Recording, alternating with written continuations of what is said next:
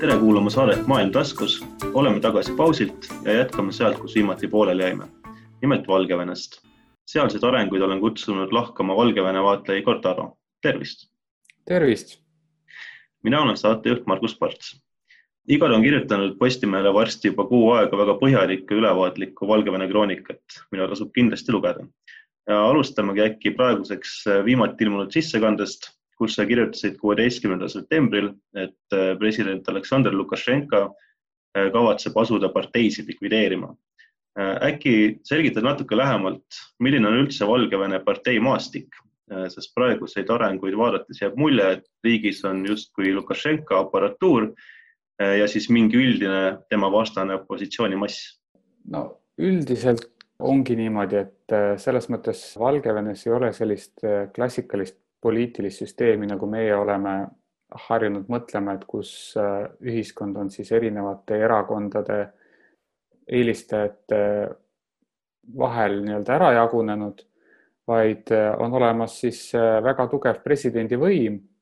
ja, ja kõik, mis on nagu peale selle, on sisuliselt noh, selline nagu poollegaalne või põrandaalune. et iseenesest on formaalselt olemas Valgevenes viisteist erakonda või parteid ja nendest äh, siis äh, kümme olid sellised, äh, mis hiljuti tegid ühe ühisavalduse, mis siis mõistis hukka selle miilitsa vägivalla ja kutsus üles korraldama õiglaseid valimisi, laskma vabaks poliitvangid ja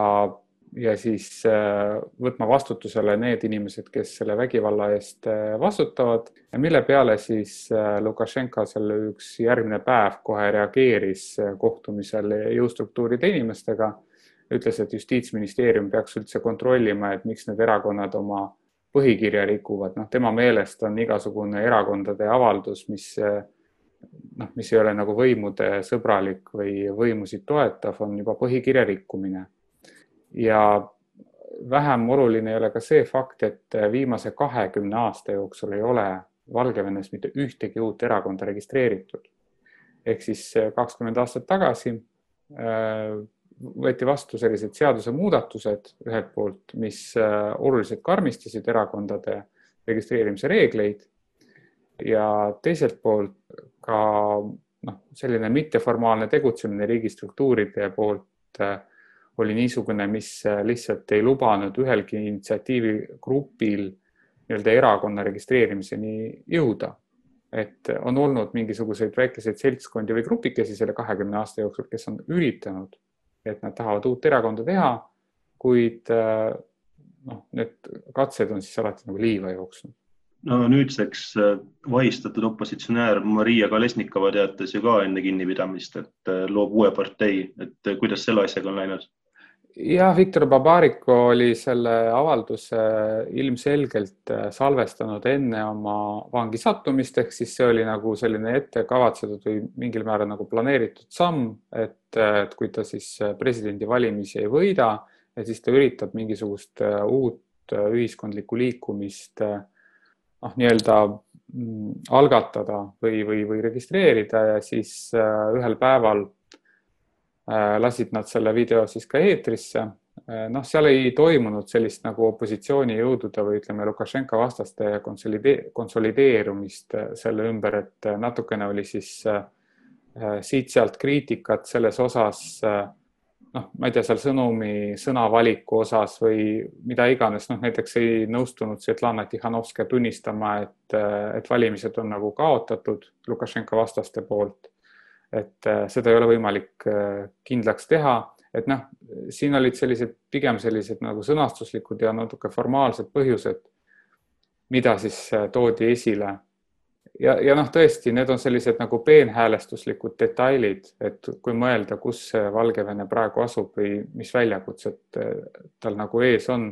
et jah, et see sõnum käidi välja, et me võiks teha mingisuguse ühiskondliku liikumise või uue erakonna, aga ilmselgelt noh, praegu on inimestel mure sellega, et nad ei saa tänavale välja tulla isegi rahumeelselt äh, meelt avaldama, kasvõi, kasvõi äh, selles osas, et neile ei sobi see vägivald või, või nad sooviksid äh, ütleme, nende ebaseaduslike käskude või, või,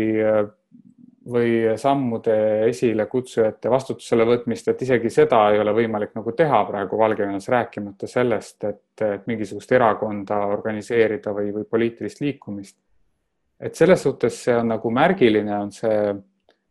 on see ähvardus erakondade aadressil, kuna alguses ütles ju Lukašenka, et tema ei tunnista seda rahvusliku koordinatsiooni nõukogu,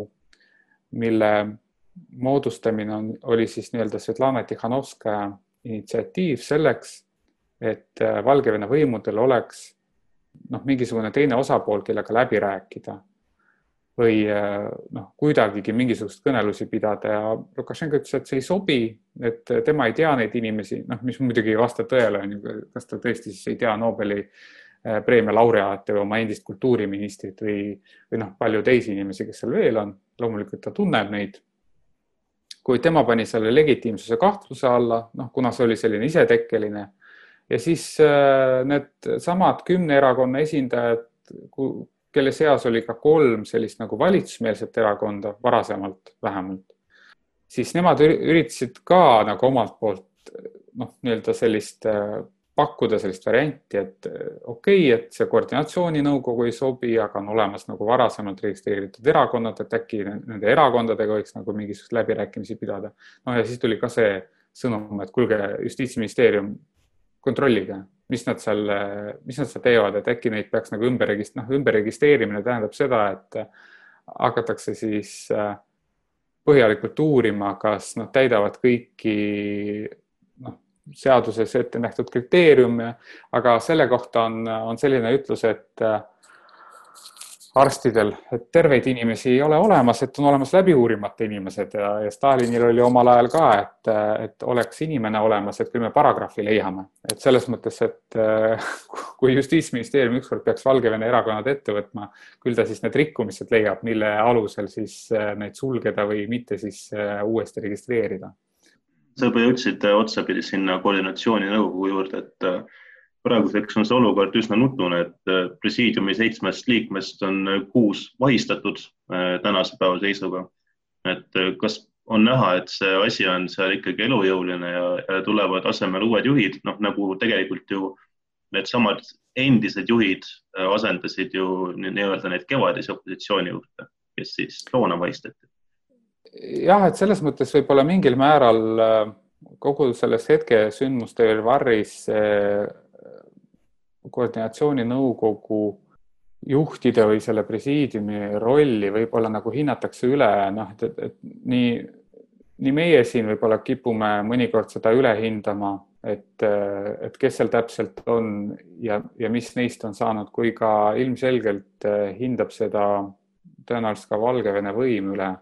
et äh, nende hüpotees on ju see, et kõiki asju, mis tänaval toimuvad inimeste peades, see, et nad protestivad, avaldavad meelt, et seda juhitakse kusagilt. et see on nende hüpotees. ja see on äh, siis äh, ka põhjus, miks nad on tegutsenud koordinatsiooninõukogu nii nagu nad tegutsesid, et, et mõned inimesed saadeti riigist välja, mõni ei saa enam tagasi mõned siis vahistati, noh, viimased on ju, kes äh, lisaks Maria Kalesnikovale siis äh, Maksim Znak, tuntud advokaat, kes äh, ja Kalesnikova advokaat Ilja Salei, kes ei olnud küll ütleme otseselt koordinatsiooninõukogu inimene, vaid ta oli Kalesnikova kaitsja. tema ka vahistati ja nemad said väga karmid nagu süüdistused, mis on noh, kriminaalsüüdistused, mitte lihtsalt administratiivsed rikkumised. Nad eeldavad, et äh, kui koordinatsiooninõukogu inimesed kinni panna või nad äh, noh, nii-öelda sulgeda oma kodudesse äh, välismaale, kuhu iganes, et siis kõik lõpeb. no mingis ma, ma mõttes. ja ma siiski nagu kaldun arvama, et see ei lõpe niimoodi, et. mingi, mingis jah. mõttes on selle asja taga ka noh, teatud loogika, eks ole, et, et äh, igal sellisel suurel liikumisel on ju vaja oma juhte et kes siis kas läbi räägiksid või, või asju koordineeriksid. et kui sa pidevalt neid äh, nii-öelda kujundlikus mõttes, õnneks praegu kujundlikus mõttes päid maha võtad, et äh, siis ei saa ju tekkida mingisugust suuremat äh, sellist ähm, strukturaalset organiseerumist, et noh, tänaval võivad inimesed olla, aga see ei formuleeru kuidagi ümber selliseks poliitiliseks kapitaliks. Jah, aga me oleme praegu ka sellises olukorras või noh, ütleme, mitte meie ei ole, vaid me nagu jälgime seda olukorda, kus on Valgevene, mis ei anna kuidagi alust arvata seda, et Valgevene võim või Lukašenka režiim, et ta kavatseb kellegagi üldse läbi rääkida või noh, et ta, et ta kavatseb nagu funktsioneerida kuidagi sellises rollis, kus äh, koordinatsiooninõukogul oleks mingisugune funktsioon täita. ehk siis äh, ta kavatseb edasi peksta, arreteerida, laiali ajada, hirmutada ja nii edasi. et äh, see on, ütleme, see tuleneb sellest niinimetatud Illarionovi maatriksist, millest ma olen mõned korrad juba nagu kõnelnud erinevates olukordades, et kui vaadata neid riike kus on siis sellised äh, režiimivastased ülestõusud hakanud toimima, siis neid on võimalik äh, siis grupeerida erinevatesse kastidesse. ütleme, et me paneme X-teljele selle määra, kuivõrd see võim või, või valitsev režiim on valmis tegutsema seaduslikus formaadis, nii-öelda konstitutsioonilises raamistikus et kas ta on selleks äh, valmis, äh, mitte eriti valmis või üldse ei ole valmis. ja kui me paneme siis Y-teljele selle, et äh, kui palju ta on valmis vägivalda kasutama, kas üldse mitte, mingi piirini või piiramatult. et ja noh, toome siis ühe otsa näite, et, et Poola kaheksakümnendate lõpp oli siis äh, režiim, mis oli valmis mingil hetkel siis äh, transformeeruma äh, põhiseaduslikkuse raamides. ja see on, see oli ka see, kuidas Eesti NSV Ülemnõukogu tegutses, ju võttis oma otsuseid vastu ka noh, nii-öelda legitiimsetel alustel, suveräänsusdeklaratsiooni ja nii edasi. ja, ja teises otsas on siis need riigid, kus võim ei ole valmis mitte kuidagi nagu muutuma, võimustruktuurid äh, ei ole valmis isegi põhiseadust nagu järgima ja nad on valmis ka kasutama vägivalda piiramatult. ja seal on siis Rumeenia, seal on Liibüa, Gaddafi äh,. seal oli sisuliselt, ütleme Ukraina kaks tuhat neliteist, Ukraina kaks tuhat neli oli seal vahepeal keskel ja, ja Valgevene võim on ka seal kus ta ei ole valmis ühtegi seaduslikku hooba nii-öelda rakendama või lubama rakendada selleks, et mingisugust muutusi esile kutsuda. ja, ja ta toob tänavale soomukid, armee, mida iganes, et inimestele vastu astuda. mis tähendab seda, et koordinatsiooninõukogul noh, sellises äh, olukorras äh, ja talle nii-öelda ette mõeldud funktsioonidega tal väga palju rolli seal riigis niisuguses funktsioonis ei ole, et äh, seal paraku hakkab otsustama vägivald ja jõukasutus. et kas siis äh, võim tambib selle ülestõusu täiesti maha, mis ei ole kindlasti ilus vaatepilt, või siis äh, asi eskaleerub ja see noh, ülestõus läheb ka teistpidi nagu koledaks. ja see võim püütakse minema, nii nagu see on ikkagi ajaloos juhtunud korduvalt. selles mõttes jah, on see koordinatsiooninõukogu roll natuke nagu küsitav, et jah, need, kes on välismaal, nad räägivad siin Euroopa riigipeade ja, ja riigiesindajatega ja, ja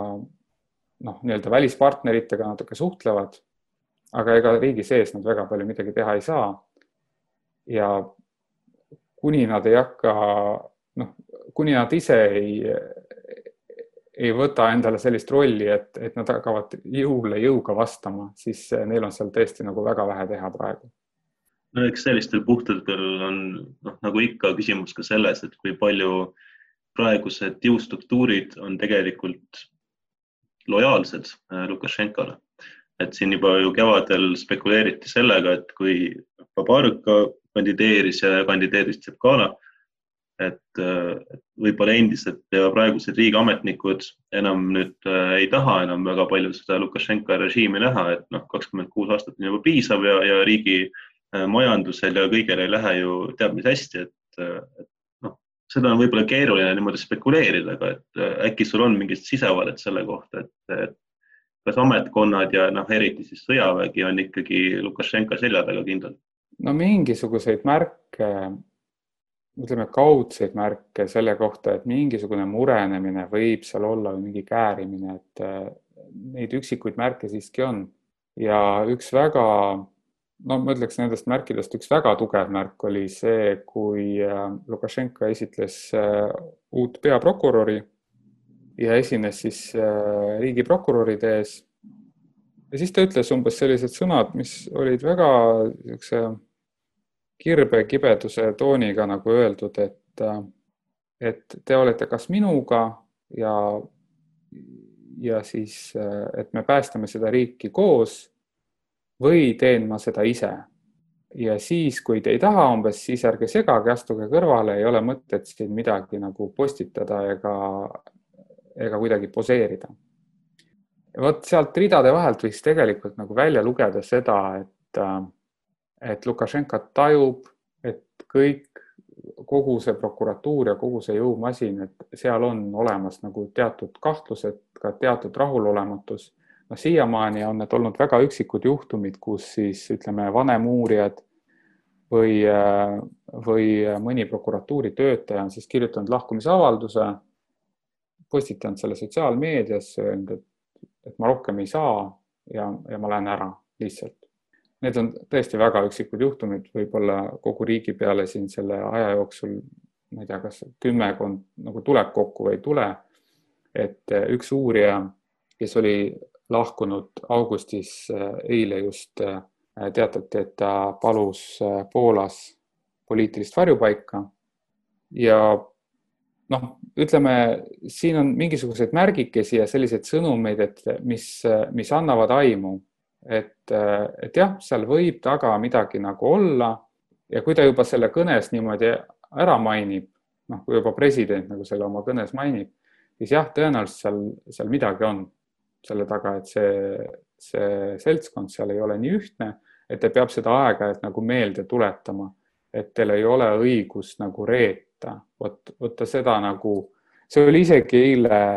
sellel suurel naistefoorumil otsisid nad kaks äh, sportlast, naissportlast välja, kes siis äh, seal viieteist tuhandele naisele esinesid, äh, kes siis üritasid seda sõnumitele rõhutada, et, et kui sa nagu presidendiga koos ei ole, et sa oled nagu reetur. et sa reedad kodumaa, et nad noh, üritavad nagu seda niimoodi välja mängida et see tähendab, et, et nad näevad seda ohtu, see on nende, nende mingisuguses SWOT analüüsis see oht on selgelt nagu defineeritud ja markeeritud. et äh, järelikult nad, nad tajuvad seda. samas Lukašenka on ise andnud ikkagi päris segaseid signaale, et kui võtta septembri teisel nädalal tehtud avaldused, mis siin kõik nüüd äh, riburada pidi järjest tulid, siis ta rääkis küll sellest, et, et noh, võib-olla on võimalik äh, korraldada valimised Äh, siis peale seda ütles kohe seda, et ei, see põhimõtteliselt ei ole võimalik ja võimuvahetus ei ole võimalik, sest äh, niimoodi langeb Valgevene äh, ja peale seda läheb Venemaa. et noh, kui nüüd nii seinast seina asju öelda ühe nädala vältel, et, et paistab, et Lukašenkal vist endal ka ei ole ikkagi erilist aimu, et mida praeguses olukorras edasi peaks tegema jah, ütleme, kui vaadata seda, milliste näoilmetega kuidas ta nagu esineb, mis sõnu ta räägib, et ega sealt on äh, märgata sellist teatud ärevust, võib-olla isegi natuke nagu paanikat, et kui sa juba automaadiga jooksed ringi oma, oma tööresidentsi hoovi peal, noh, mille riigipea peaks seda tegema, et ausalt öeldes, kui sa oled nagu endas kindel, et sul on kaheksakümmend protsenti äh, rahva toetust sul on kõik nagu kontrolli all, noh siis sa ei hakka automaatidega või automaadiga ringi jooksma, isegi kui seal salve all ei ole. milleks kogu see palagan? et äh, ja noh, selles suhtes, et ta räägib nagu ühe nädala jooksul äh, seinast seina erinevaid asju, selles ei ole ka nagu midagi väga uut. et äh, ehk sisuliselt on ju ta kogu oma valimiskampaania kahe tuhande kahekümnendal aastal ehitanud üles Venemaa vastasusele. kuni valimiste päevani praktiliselt välja on tema kampaania sõnum olnud, et kõik alternatiivsed kandidaadid on Moskva käsilased, noh, seesama Babariko ja Tsekalo ja mis äh, ei pruugi olla sada protsenti vale, sest äh, kahtlemata Moskva, kes äh, omab väga suuri strateegilisi huvi Valgevenes, on ka oma samme astunud ja on tegutsenud selles liinis, et äh, järgmine president oleks Moskva-meelne, kuid noh, tema kogu see Vene vastasus ju kulmineerus seal juuli lõpus, kui ta, kui ta siis andis Moskvale lõpuks välja, vahistas need mitukümmend Wagneri võitlejat keda siis äh, põhimõtteliselt äh, Valgevene televisiooni otse-eetris siis sealt russikute väel nii-öelda noh, alandati. Äh, ja seda venelased kindlasti ei unusta. ja kui keegi vaatas seda Putini ja Lukašenka hilisemat kohtumist, mis oli nüüd esmaspäeval, siis seal on ju näha, et kuidas see ütleme kogu sellest Lukašenka kehahoiakust, et kuidas ta siis nagu lipitseb või kuidas ta üritab siis nagu nii-öelda Putini ees nagu kummardada, kuidas ta kummardab istudes nagu tugitoolis. et noh, tema puhul selline nagu polariseerumine või et üks, üks päev ta räägib ühte, järgmine päev ta räägib hoopis, hoopis teist. See lihtsalt on märk tema sellisest ebaadekvaatsusest kui äh, inimene on ebaadekvaatne, noh, psüühiliselt, siis, äh, siis on sellised märgid lihtsalt nagu noh, loogilised, et, et seal ei ole nagu midagi imelikku, et seal, seal muud selgitust nagu ei olegi. kui asi näeb välja äh, nagu part ja rääksub nagu part ja käib nagu part, siis ta ongi part, et äh, samamoodi, kui inimene näeb välja ebaadekvaatne, kõlab kui ebaadekvaatne, siis järelikult noh, see kõik vastab tõele, mis on selle kohta räägitud. no vot, lähme sinna Sotši kohtumise juurde tagasi, et eh, noh, jah, üsna loogiline, et ega Lukašenkale ei jää väga midagi muud üle, kui üritada võimalikult palju pugeda praegu Putinile, sest noh, kuhu sa ikka nüüd jooksed viimases hädas. aga samas kuidagi paistis, et ega sealt Sotši kohtumiselt ka mingisugust väga otsest tulemit nagu ei tulnud, et, et noh, põhiline oli vist see, et Putin lubas igakülgset abi, aga aga mitte midagi ju väga konkreetset. nojah, ütleme, et isegi see poolteist miljardit, millest oli juttu, et poolteist miljardit dollarit laenu, siis selgus mingil hetkel, et, see tegelikult ei ole päris raha või sularahas seda välja ei anta, et, et see on lihtsalt nagu äh, võimalus siis äh, varasemat äh, laenu mitte välja maksta koheselt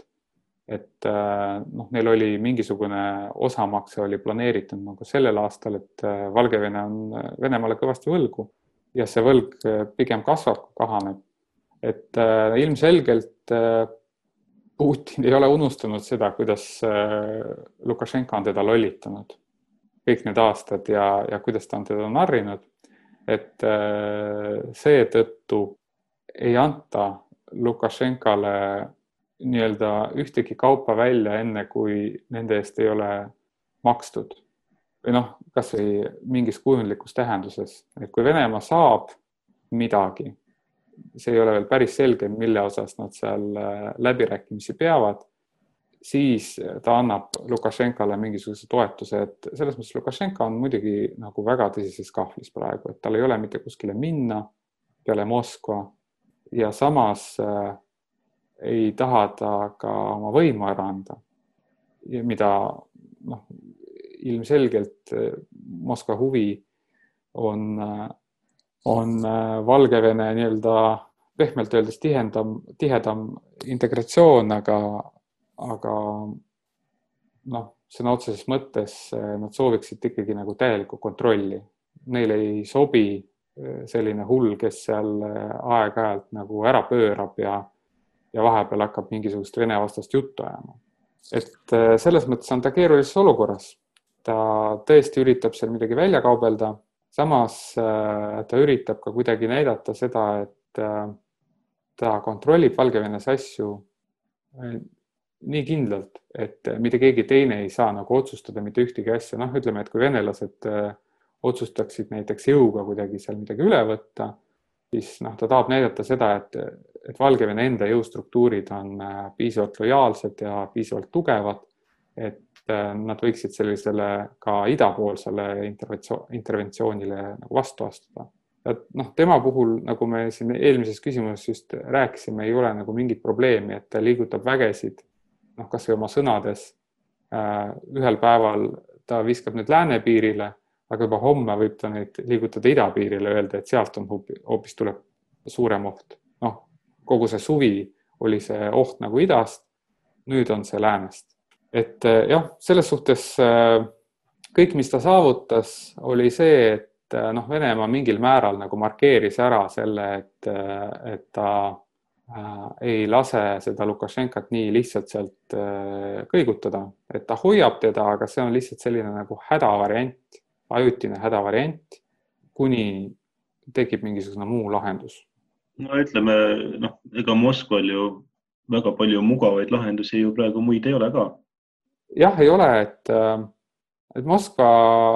mugav lahendus võib-olla oligi algselt see, et üks alternatiivne kandidaat võidab äh, valimised ja,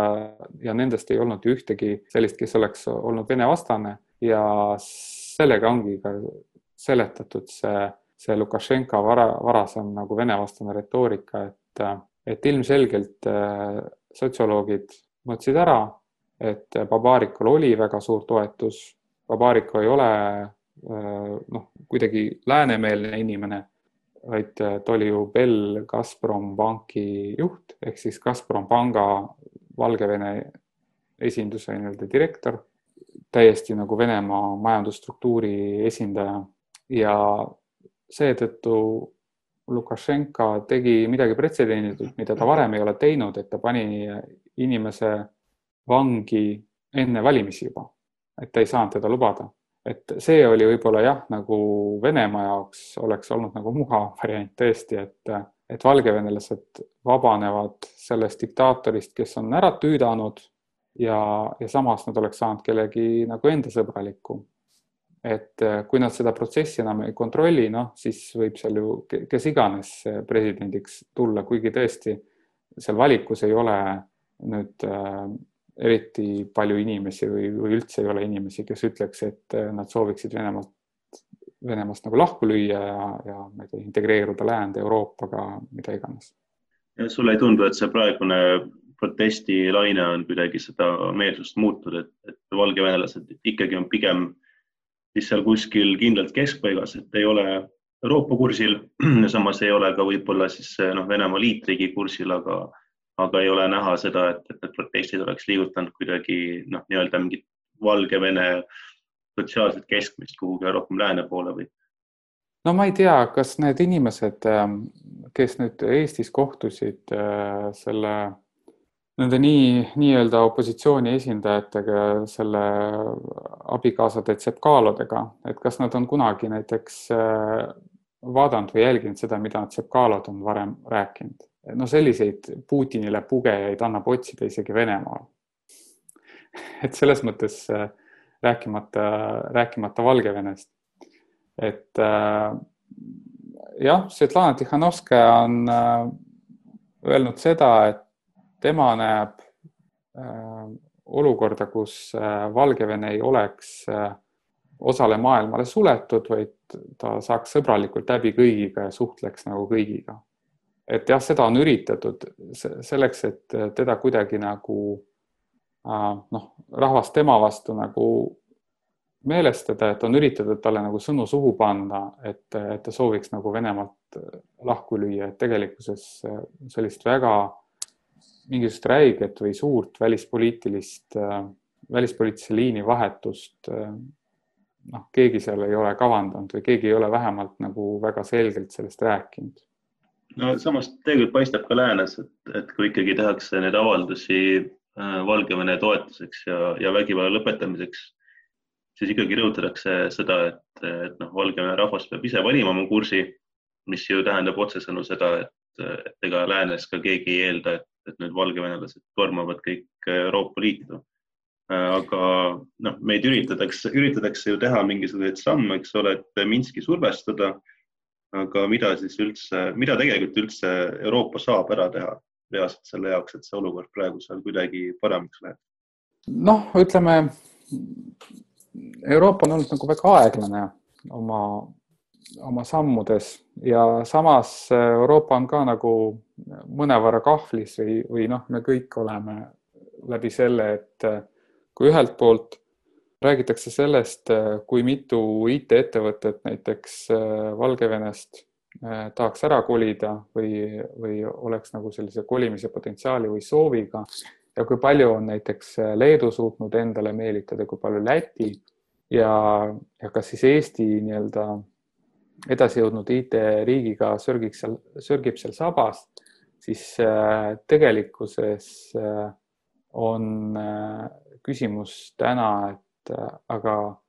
kas noh, kas Eesti valitsus näiteks üldse tahab, et Valgevenest inimesed siia tuleksid et äh, seda võiks äh, tõesti nagu keegi küsida, mitte imestada, et, et kas EAS või, või keegi nagu ei tee selleks, selleks piisavalt. et äh, jah, noh, Leedu ja Poola jaoks äh, see on nagu natuke selgem küsimus, et nad on seal lähedal, et äh, neil on isegi selline äh, ühise riikluse kogemus kaugest ajaloost olemas. et nad on natuke nagu teises positsioonis, et noh, mida siis Euroopa saab teha, et ega üks hea näide oli noh, küll Euroopa Liidu väline, aga, aga Norra saatis oma Norra ettevõtte Yara esindajad äh, sõitsid Valgevenesse ja nemad on äh, nimelt Valgevene ühe suurima eksportööri Belarus Gaali äh, kliendid, kes siis noh, põhimõtteliselt nad toidavad seda Valgevene riigieelarvet välisvaluutaga üsna olulisel määral. ja siis nad ütlesid, et neile ei sobi selline tarnija, kes, kes äh, paneb äh, streigikomitee äh, liikmeid äh, vangi või kuulutab üldse töötajate streigid ebaseaduslikuks, ei pea nendega läbirääkimisi ja nii edasi. et võib-olla vot sedapidi sellised nagu majanduslikud hoovad mingil määral nagu võivad olukorda mõjutada. muidugi nad ei pane Lukašenkat ümber mõtlema. Teda kindlasti mitte, kuid võib-olla sellised, äh, sellised meetodid, mis paneksid mõtlema äh, noh, siis teatud olulisi inimesi kusagil lähedal olevates struktuurides, jah, see, see oleks nagu, see oleks nagu teine lugu. et noh, praegu on see, ütleme lihtsustatud, noh, puhtalt ütleme humanitaarkaalutlusel lihtsustatud viisa viisarežiim või võib-olla isegi nagu viisavabadus, noh, kunagi juba augustikuus äh, kirjutasin ka sellest, et, et tõenäoliselt Euroopa, mida ta võiks teha, jah, et, ta võiks nagu oma uksed avada valgevenelastele. muidugi see oleks nagu väga küüniline ühelt poolt ja selline nagu omakasupüüdlik, sellepärast et eks kõik riigid nagu võitlevad äh, selle eest, et saada võimalikult häid inimesi endale. et mitte ressursid, loodusressursid ei määra tänapäeval riikide edukust, vaid see, kui targad inimesed neil on. ja Valgevene inimesed või need inimesed, kes sealt ära kipuvad, kahtlemata nad on ikkagi keskmisest väärtuslikumad kui noh, kui üldse nii võib nagu kuidagi inimesi liigitada, ma mõtlen noh, võib-olla sellise oma haridustaseme ja, ja oskuste poolest üldse globaalses võtmes kõikide nagu teiste, teiste nagu parema elu otsijatega võrreldes. et äh, jah, see on nagu natuke kahe otsaga asi, et ühelt poolt selleks, et Valgevenel hästi läheks, peaks kõik targad inimesed seal töötama, teiselt poolt nagu humanitaarkaalutlustel võiks nagu neid noh, lasta mujale, et nad ei langeks tagakiusamise ohvriks ja teine on, on ka julgeoleku aspekt, ärme seda unusta. et äh, Valgevene ei ole äh, julgeolekupoliitilises mõttes nagu NATO sõbralik riik ehk äh, Valgevene passiga võib äh, tulla väga erinevaid inimesi ja meie ju nende inimeste sisse ei näe, me ei näe, et kas see on nüüd see inimene, kes on nagu läänemeelne tõsiselt ja tahab oma ettevõtet tuua või, või on ta mingisugusel muul põhjusel nagu siia saadetud tänu sellele, et see uks on siin avanud, avatud. jah, ja samas veel üks aspekt asja juures on ju see, et kui massiliselt inimesi lahkub ja lahkub inimesi, kes on Lukašenka vastased, siis kaob ju Valgevenes ka mingi hetk võib-olla see kriitiline mass neid juhtivaid päid ära, kes seda asja üldse organiseerivad. jah, ja noh, eile, sellel eile, sellel võimude korraldatud naiste, niinimetatud naiste foorumil või, või kontserdil, ega seal kõnedes kõlaski see motiiv, et miks tulevad meid õpetama need, kes sõitsid äh, siit välismaale ära? noh, Maria Kolesnikova iseenesest äh, ju elas mõned aastad välismaal Saksamaal ja siis äh, tuli Valgevenesse tagasi paar aastat tagasi. et ja siis noh, justkui ta on nagu kaotanud selle õiguse oma kodumaa nii-öelda saatuses kaasa rääkida, et seda motiivi tõesti eile oli nagu mitu korda kuulda et sõitke minema. ja, ja seda, kusjuures seda on öelnud äh,, seda on öelnud ka äh,, ka Lukašenka, et äh,, et minge minema, et äh, mida te hoiate siin äh, lasteaiakohti kinni, et äh, milleks te suurendate meie arstijärjekordi et üsna nagu äh, kummaline on, äh, oli selliseid sõnumeid kuulata. no eks sellega saab teise tähenduse vana teise diktaatori ütles, et pole inimest, pole probleemi. aga tõmbame siinkohal äkki joone alla ja suur tänu saatesse tulemast, Igor Taro. aitäh kutsumast. aitäh kuulamast ja järgmise korrani. kogu saade on kuulatav Postimehe digipaketi tellijatele veebilehel podcast.postimees.ee